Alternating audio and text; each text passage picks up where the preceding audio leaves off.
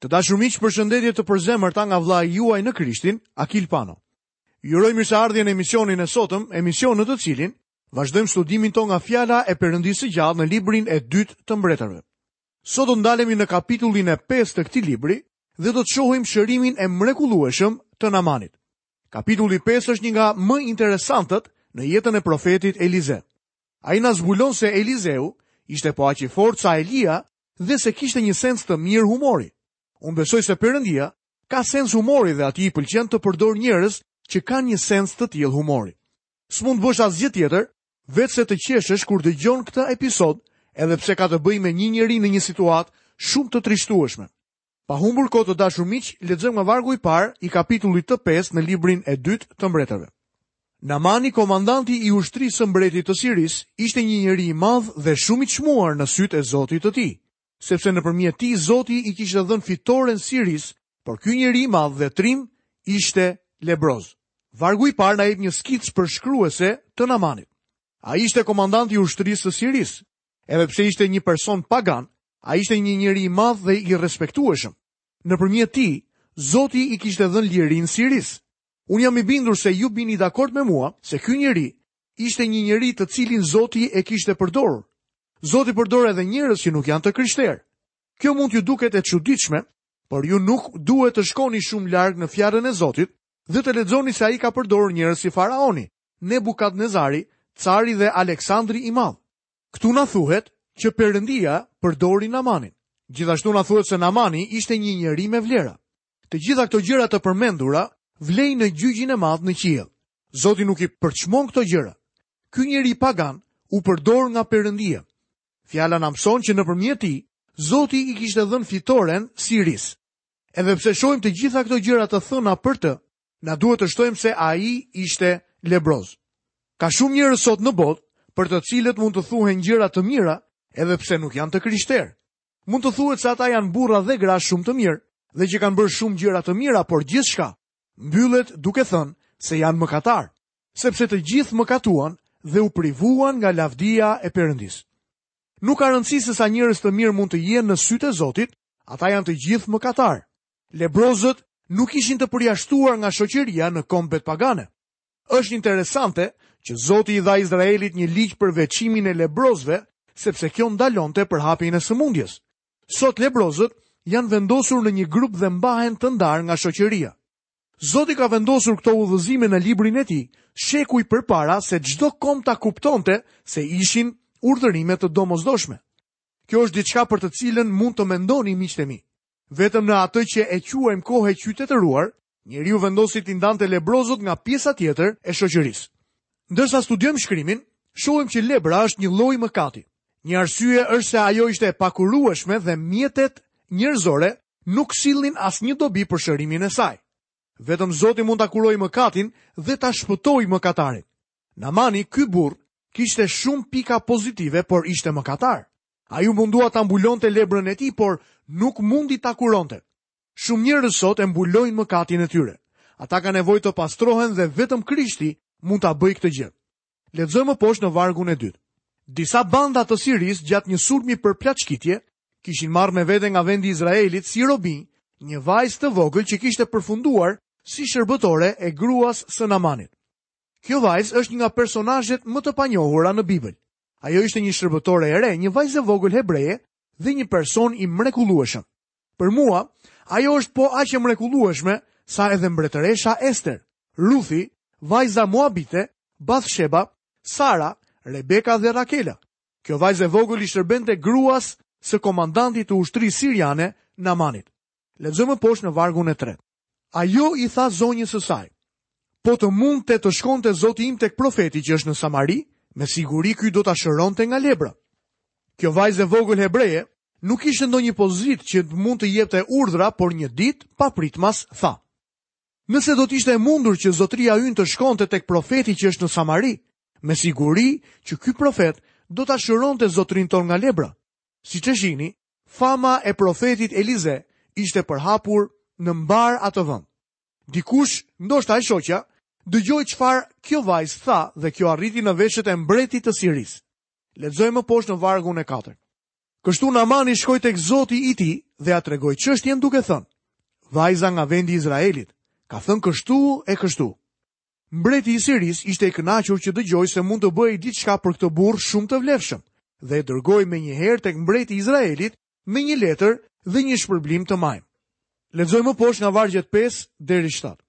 Atëherë mbreti i Sirisë tha: Shko pra, unë do t'i dërgoj një letër mbretit të Izraelit. Ai pra u nis duke marrë me vete 10 talente argjendi, 6000 sikla ari dhe 10 palë ndërresash. I çoi mbretit të Izraelit gjithashtu letrën, në të cilën thuhej, Kur të të arrijë kjo letër, dije që po të dërgoj shërbëtorin tim Naman që ta shërosh nga lebra. Mbasi lexoi letrën, mbreti i Izraelit grisi rrobat e tij dhe tha: A jam unë Perëndia, i pajisur me fuqinë që të shkaktoj vdekjen dhe ngjalljen, që ai më dërgon një njeri për ta shëruar nga lebra? Prandaj shikoni që ai tani kërkon pretekste kundër meje. Kjo letër nga mbreti i Sirisë, e cila kërkonte që komandanti i ushtrisë së tij, Namani, të shërohej nga lebra, e shqetësoi pa masë mbretin e Izraelit. Ai thirri, Unë nuk jam Perëndia. Unë nuk mund ta shëroj atë. Mesazhi i ishte dërguar personit të gabuar. Mbreti i Izraelit lexoi mesazhin, por ky mesazh duhej t'i paraqitej profetit Elize. Mbreti i Izraelit tha, Unë nuk jam i aftë të shëroj askënd. Elizeu nuk pretendonte se ishte i aftë të shëronte, por që ishte në kontakt me Mjekun e Madh.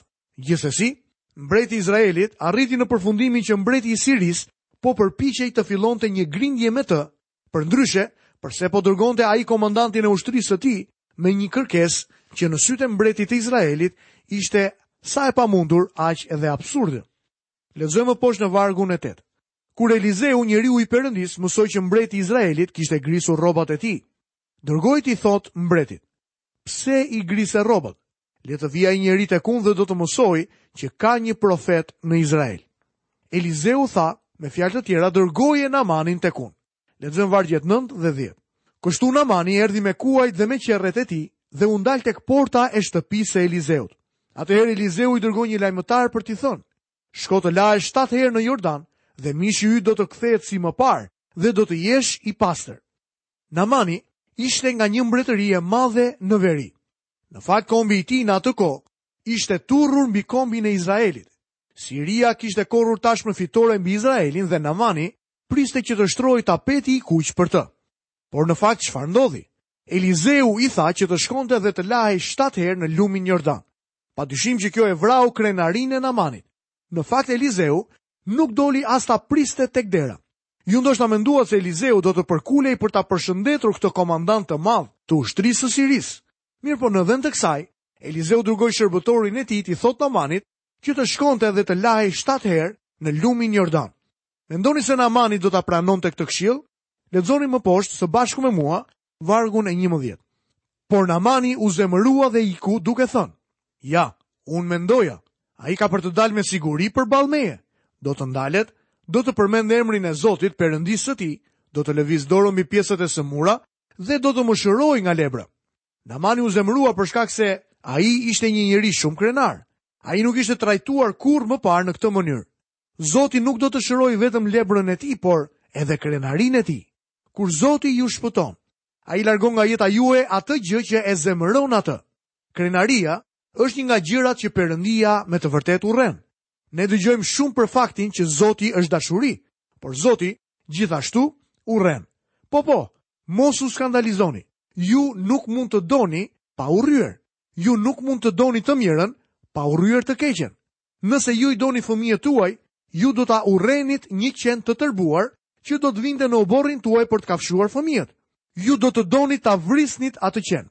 Është e vërtetë që Zoti e do njeriun dhe në një gjuhë më të pagabueshme, Zoti deklaron se ai e urren krenarinë në zemrën e njeriut. Në librin e Proverbave kapitulli 6 vargjet 16 deri 19 renditen shtatë gjëra që Zoti i urren. Të parat në listë janë sytë krenarë, gjuha gënjeshtare dhe duart që derdhin gjak të pafajshëm. Ju e shihni se kush është e para në listën e gjërave që Zoti urren. Janë sytë krenarë. Zoti thotë se e urren këtë gjë. Ai e urren këtë, po aq sa që urren edhe vrasjen. Në letrën e Jakobit, Jakobi thotë: "Por ai jep hir edhe më të madh. Prandaj thotë: Perëndia u kundërvihet mendjemëdhenjve dhe u jep hir të përulurve. Krenaria është në fakt shthurja e njeriut. Ajo është me të vërtetë një mëkat i madh. Tek Proverbat kapitulli 16 dhe vargu i 18 lexojmë: Përpara shkatërrimit vjen kryelartësia dhe përpara rrëzimit fryma krenare. Tek Proverbat kapitulli 11 dhe vargu i 2 na thuhet gjithashtu: Kur vjen kryelartësia, vjen edhe turpi, Por dituria është me njerëzit e thjeshtë dhe së fundmi, në kapitullin e njëzet e nëntë dhe vargun e njëzet e tretë në librin e Proverbave, sërish na thuhet: Kryelartësia e njeriut e çon poshtë atë, por ai që ka një shpirt të përvuajtur do të ketë lavdi. Përse e urren Zoti krenarinë? Përkufizimi i krenarisë është vetëvlerësimi i tepruar. Ai është një vetëvlerësim i papërmbajtur. është më shumë se sa kënaqësi e arsyeshme për pozitën dhe arritjet e tua. Pali e tha këtë në këtë mënyrë. Sepse për hirin që më është dhënë, unë i them secilit prej jush të mos e vlerësojë veten më shumë se sa duhet ta çmojë, por le të ketë një vlerësim të përkorë sipas masës së besimit që Perëndia i ndau secilit. Krenaria vendos një vlerë të tepruar tek vetja. Ajo kërkon më tepër se sa ju vleni. A keni dëgjuar ndonjëherë thënien, do të doja ta blija atë njeri për atë çfarë ai vlen dhe ta shisja atë për atë që ai mendon se vlen. Krenaria është ndryshimi nëpërmjet asaj që ju jeni dhe asaj që ju mendoni se jeni. Krenaria ishte ajo që e rrëzoi Satanin. Ajo ishte mëkati i tij. Krenaria ishte gjithashtu mëkati i Edomit. Për Edomin Zoti tha: Edhe sikur ti të ngrihesh lart si një shqiponjë dhe ta vije folenë tënde midis yjeve, unë do të të zbres nga atje lart, thotë Zoti. Krenaria e njeriut rend kundër planit të Zotit dhe sa herë që ato përballen, lindin konflikte. Nuk ka kompromis. Është një përplasje kokë më kokë. Plani i Perëndisë për shpëtimin është përgjigja supreme për krenarinë e njeriut. Zoti e përul njeriun, Zoti nuk merr asgjë nga njeriu. Apostulli Pal, kur u takua me Krishtin e ringjallur, mund të thoshte për veten e tij, Por gjërat që më ishin fitim, i konsiderova për shkak të Krishtit, humbje. Pali hodhi poshtë fenë. Ai hodhi poshtë gjithçka që kishte qenë. Ai i konsideroi ato si një pleh. Ai tha, i hodha poshtë ato. Krishti dhe krenaria nuk mund të shkojnë së bashku. Ato nuk mund të jenë bashkëudhëtare në të njëjtën rrugë. Ju nuk mund të jeni krenar dhe në të njëjtën kohë t'i besoni Krishtit si shpëtimtarit tuaj. Nëse i besoni atij, ju do ta hidhni gjithë krenarinë tuaj në pluhur. Historia e Namanit është shembulli më i mirë që kemi për një njeri, krenaria e të cilit u thye. Sigurisht që ai ishte një njeri i madh. Zoti i renditi të gjitha gjërat që e shfaqnin atë si një njeri të aftë dhe me karakter, por ai ishte lebroz. Namani ishte mëkatar. Por Zoti jo vetëm që e shëroi atë nga lebra, por edhe nga krenaria e tij. Besomëni, Elizeu e ofendoi atë, e fyeu.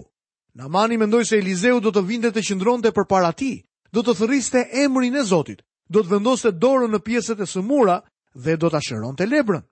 Kjo është feja, ju e dini. Duket sikur Namani po thoshte, a sikur vetëm të më vinte radha dhe ai të vendoste dorën e tij mbi mua, të thërriste Zotin dhe të lutej. Sikur vetëm të vendoste pak vaj tek unë, do të ishte një mrekulli. Kjo është feja dhe traditat njerëzore, miqtë e mi. Kur Zoti shëron dikë, kjo ndodh nëpërmjet besimit. Ai e ul përtokë krenarinë tuaj. Ju nuk shkoni tek njeriu për shërim, por shkoni tek Zoti, tek mjeku i madh hyjnor, tek shëruesi i madh. Lexojmë më poshtë vargun e 12. Lumenjtë e Damaskut, Abanahu dhe Farpari, a nuk janë më të mirë se tërë ujërat e Izraelit? Nuk mund të lahesha në to dhe të bëhem i pastër? Kështu u kthye dhe iku tërë inat. Këtu unë jam dakord me Namanin.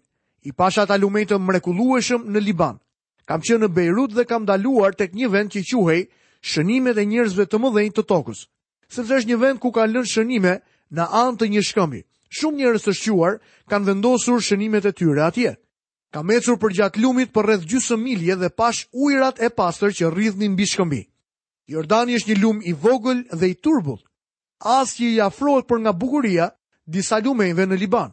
Për këtë gjë bie plotësisht dakord me Namanin. Ai tha, Përse vallë duhet të shkoj dhe të zhytem në Jordan? Përse të mos zhytem në një lum me ujë të pastër? Kjo ka një zbatim për ne. Shumë njerëz e urrejnë të vijnë te kryqi i Krishtit. Ai është një vend poshtërues. Njerëzit nuk duan të vijnë te kryqi. Në vend të kësaj ata duan të bëjnë diçka të madhe. Këtë gjë donte të bënte edhe Namani. Ai tha se lumenjtë e Damaskut ishin më të mirë dhe në fakt ashtu ishte. Ai ishte i indinjuar me sjelljen e paturpshme të profetit, që i tha të lahej në Jordan. Por miqtë e mi, juve do t'ju duhet të vini te kryqi i Krishtit. Ju nuk mund të vini tek Jezusi dhe të qëndroni para tij si njerëz krenarë. Nuk mund të thoni se keni diçka me se të mburreni kur vini tek ai. Ju vini tek ai ashtu siç jeni, pa asnjë shfajësim përveç gjakut të tij që u derdh për ju, Gjithçka që duhet të bëni është të pranoni veprën e tij në kryq. Lexojmë më poshtë vargun e 13. Por shërbëtorët e tij iu afruan dhe i folën duke i thënë: Ati ynë, në qoftë se profeti do të kishte urdhëruar një gjë të madhe, ti a do ta kishe bërë? Aq më tepër tani që të ka thënë, lahu dhe do të pastrohesh. Ndërsa Namani po ecte me kalë, shërbëtorët e tij u përpoqën të diskutonin me të. Në qoftë se profeti do të kishte urdhëruar një gjë të madhe, ti a do ta kishe bërë? Sa e sa njerëz sot do të donin të bënin diçka të madhe për shpëtimin. Ju nuk keni pse të bëni asgjë. Ai tashmë e ka bërë për ju. Gjithçka që duhet të bëjmë është ta pranojmë atë. Ne vijmë para Zotit si lypsarë. Namani duhet të kishte ardhur në po atë mënyrë. Lexojmë më poshtë në vargun e 14. Atëherë ai zbriti dhe u zhyt shtatë herë në Jordan, sipas fjalës së njeriut të Perëndisë. Mishi i tij u bë si mishi i një fëmije të vogël dhe ai u pastrua. Namani shkoi në lumin Jordan dhe u zhyt shtatë herë në ujë sipas udhëzimeve të Elizeut. Do të kisha dhënë gjithçka që të kisha qenë atje dhe ta shihja këtë ngjarje. Mendoj se çdo herë që zhytej në ujë, kur dilte shikonte veten e tij. Ndoshta ka thënë, kjo është absurde, unë nuk po pastrohem, asgjë nuk po ndodh, unë nuk po çlirohem nga lebra. Por Zoti e respekton gjithmonë bindjen tonë ndaj urdhërimeve të tij. Namani u shërua pas zhytjes së tij të shtatë në Jordan. Tani do të shohim diçka me të vërtetë për të ardhur keq. Mëkatin e Gehazit dhe ndëshkimin e tij. Gehazi ishte shërbëtori i profetit Elize. Lexojmë prej vargjeve 15 deri në vargun e 19. Pastaj u kthye me gjithë suitën e tij tek njeriu i Perëndisë. Shkoi e u paraqit para tij dhe tha: Tani e pranoj që nuk ka asnjë perëndi në gjithë dheun përveçse në Izrael. Prandaj tani prano një dhuratë të lutem nga shërbëtori yt.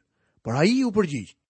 Ashtu siç është e vërtetë që rron Zoti në prani të të cilit ndodhem, nuk kam për të pranuar asgjë. Namani ngulte këmbë që të pranonte, por ai refuzonte. Atëherë Namani i tha: Meqenëse ti nuk do, lejo që t'i jepet shërbëtorit tënd Aq tokë sa mund të mbajë dy mushka, sepse shërbëtori yt nuk do t'u ofrojë më holokauste as flijime perëndive të tjera, por vetëm Zotit. Megjithatë Zoti ta falë shërbëtorin e tij për këtë gjë. Kur Zoti im shkon në tempullin e Rimonit për të adhuruar dhe mbështetet në krahun tim, edhe do të bie përmbys në tempullin e Rimonit, Zoti ta falë shërbëtorin e tij për këtë gjë. Kur unë do të bie përmbys në tempullin e Rimonit, profeti i tha: Shko i qetë. Kështu u nda prej tij dhe bëri një copë rrugë të mirë. Thellësisht mirënjohës për shërimin e tij, Namani e shtyn Elizeun të pranojë këto dhurata të çmuara që ai ka sjellë si shenjë e vlerësimit të tij. Por në fakt, njeriu i Perëndisë, Elizeu, nuk pranon asnjë pagesë për atë që kishte bërë Zoti. Elizeu kishte një shërbëtor që quhej Gehaz. Atij nuk i erdhi mirë që i shpëtoi nga dora ky shpërblim i majmë. Kështu që iu vu nga pas Namanit. Lexojmë më poshtë nga vargjet njëzet e një dhe njëzet e tre. Kështu Gehazi ndoqi Namanin. Kur Namani pa që ai vraponte prapa tij, u hodh nga qerrja për t'i dalë përballë dhe i tha: A shkon çdo gjë mirë? Ai u përgjigj: Çdo gjë mirë. Zoti im më dërgon të të them, ja, pikërisht tani kanë ardhur tek unë nga krahina malore e Efraimit dy të rinj nga dishepujt e profetëve. Të lutem, Jepu atyre një talent argjendi dhe dy palë rroba. Atëherë Namani tha, Të lutem prano dy talenta dhe insistoi me të. Pastaj lidhi dy talenta prej argjendi në dy thasët me dy palë rroba dhe ua dorëzoi dy prej shërbëtorëve të tij që i bartën para tij. Pse e mori Gehazi këtë dhuratë të Namanit? Për shkak të lakmisë. Lexojmë më poshtë vargjet 24 dhe 25. Kur arriti në kodër, mori thasët nga duart e tyre i rivendosi në shtëpi. Pastaj i ktheu prapa njerëzit që ikën. Pastaj shkoi të paraqitet përpara zotit të tij dhe Elizeu i tha, Ku ke vajtur Gehazi? Ai u përgjigj, Shërbëtori yt nuk ka vajtur asgjëkundi.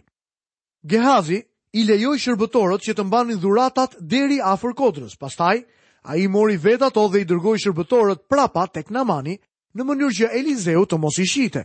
Me dhuratat e fshehura me kujdes, Gehazi u kthye tek puna e tij sikur të mos kishte ndodhur asgjë. Lexojmë më poshtë vargjet 26 dhe 27. Por Elizeu i tha, fryma ime, vallë a nuk të ka ndjekur, kur ai njeri u kthye prapa nga qerrja e tij, që të të dalë përpara, vallë tani është çasti për të marrë para, për të marrë rroba, ullishte dhe vreshta, dele dhe lopë, skllevër dhe skllave, prandaj lebra e Namanit do të të ngjitet ty dhe pasardhësve të tu përjetë. Kështu Gehazi doli nga prania e Elizeut, lebroz i tëri, i bardhë si bora. Krenaria ishte mëkati i madh i Namanit, ndërsa mëkati i madh i Gehazit, shërbëtorit të Elizeut, ishte lakmia. Miqtë e mi të shtrenjtë, lakmia është lebra e shpirtit tonë. Të dashur miq, këtu kemi mbërritur në fundin e emisionit të sotëm. Jam mirënjohës Perëndisë që keni qëndruar së bashku me mua përgjatë minutave të këtij emisioni. Lutem që Perëndia t'ju japi frymën e diturisë dhe të zbulesës në njohjen e Krishtit, ndërsa kemi studiuar këtë kapitull nga libri i dytë i mbretërve. Ju kujtoj që në emisionin e ardhshëm do të studiojmë kapitullin e 6 dhe deri atëherë, nga vëllai juaj në Krishtin Akil Pano, paçi të gjitha bekimet e Perëndisë dhe paqen e Tij në jetën tuaj.